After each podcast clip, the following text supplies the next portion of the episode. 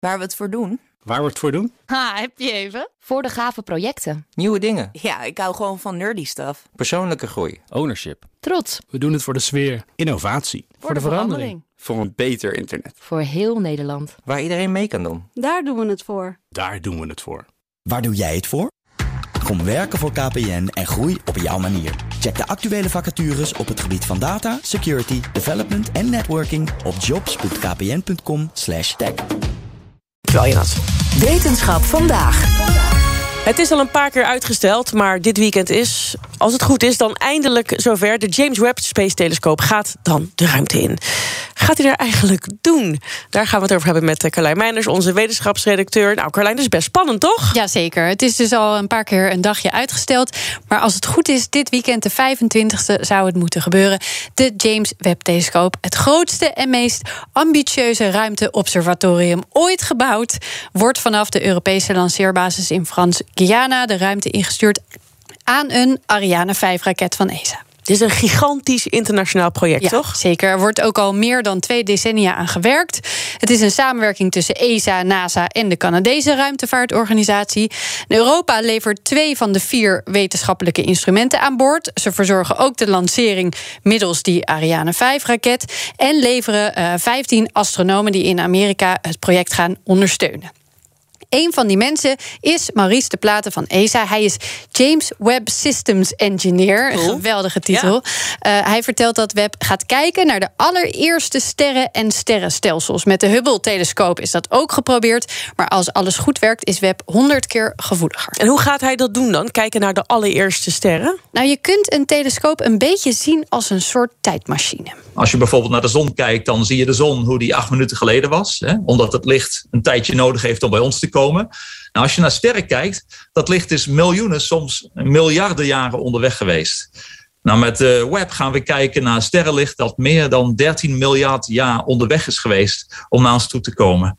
En dat is nog nooit eerder gedaan. Dus dat is eigenlijk een heel onontgonnen eh, gebied. We hebben dat nog nooit eerder gezien. Ook niet te bevatten, toch? nee, het is zo ongelooflijk. ingewikkeld. Ja. Ik kijk dus naar een ster. Acht minuten snap ik nog, Carlijn. Ja, maar die zon is een mooi voorbeeld, hè? Miljoenen jaren. Ja, ja, ja, ja, ja. En, en dit is niet eens het enige wat hij gaat doen. Want naast kijken naar dat allereerste sterrenlicht ooit... dus het, het moment waarop het aan is gegaan allemaal eigenlijk... het lichtknopje om is gegaan... gaat Webb ook nog kijken naar exoplaneten. De aarde draait om de zon, een exoplaneet draait om een andere ster. En we hebben eigenlijk middels voorgaande missies hebben we al iets van 4.000 tot 5.000 van die planeten ontdekt.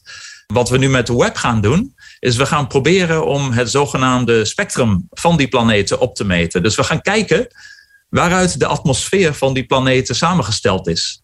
En dat is iets dat nog nooit eerder gedaan is. Nee, heel veel dingen die nog nooit eerder gedaan zijn. Dus dat is hartstikke spannend. Nou zitten er, om dit allemaal te kunnen meten... vier indrukwekkende instrumenten aan boord. Twee daarvan dus Europees. Met behoorlijk wat Nederlandse invloeden. De MIRI en de NIRSPEC. Om te beginnen met NERSPEC, dat is de nabij-infrarood spectrograaf.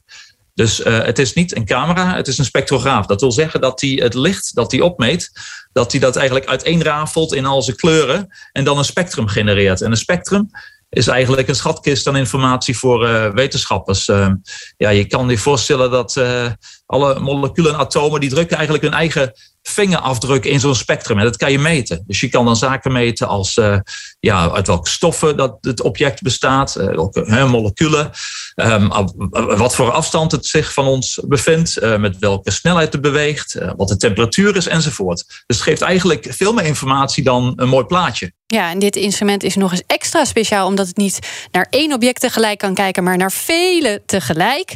En dan eh, heb je nog de MIRI, een camera, spectrograaf en coronagraaf. En daarmee kun je naar planeten kijken die om andere sterren draaien... en dan scherm je met een soort maskertje die ster af... zodat dat licht niet in de weg zit en je de planeet veel beter kan zien. Wauw, en die andere twee instrumenten? Ja, er zit inderdaad ook nog een belangrijk Amerikaans en een belangrijk Canadees instrument aan boord. Maar daar heb ik allemaal geen tijd voor in deze, deze rubriek. We moeten namelijk nog heel veel bespreken. Bijvoorbeeld waarom Webb, anders dan de Hubble-telescoop die vooral naar zichtbare golflengtes keek, een infraroodtelescoop is geworden. Eh, licht dat in eerste instantie uitgestraald is in het UV of in het zichtbare golflengtegebied, is door het uitdijen van de ruimte zelf langer geworden. En daardoor eigenlijk geshift naar het infrarode golflengte bereiken. Dat is eigenlijk warmtestraling.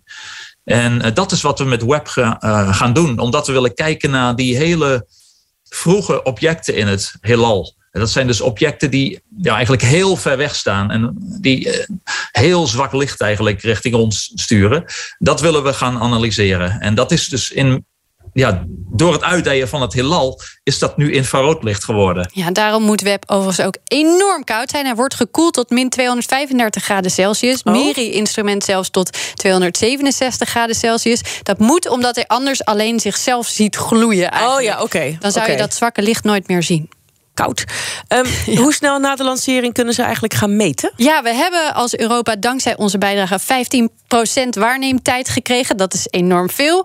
Maar voor dat gedeelte van de missie kan beginnen, is Webb eerst nog even onderweg naar zijn baan op anderhalf miljoen kilometer van de aarde. Dat duurt ongeveer anderhalve maand. En gedurende de eerste twee weken van de vlucht worden eigenlijk de hoofdsystemen uitgeklapt. Dus dan heb je dat hele grote zonneschild, hè, zo groot als een tennisbaan, het vijflaagse zonneschild, dat wordt dan uitgeklapt. Dat houdt eigenlijk de telescoop uit de zon, zodat hij uh, eigenlijk naar deep space kan kijken.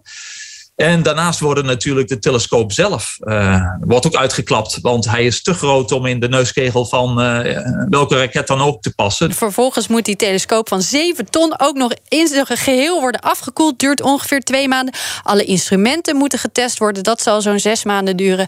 En daarna leveren Te Platen en zijn collega's hem over, hun kindje over aan de rest van de wetenschappers eigenlijk.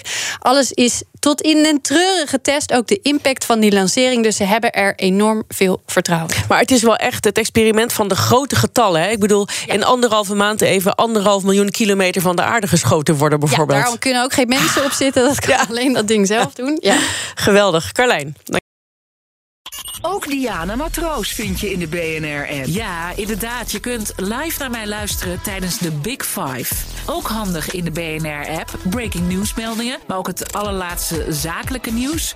En je vindt in de app alle BNR-podcasts, waaronder Wetenschap Vandaag. Download nu de gratis BNR-app en blijf scherp.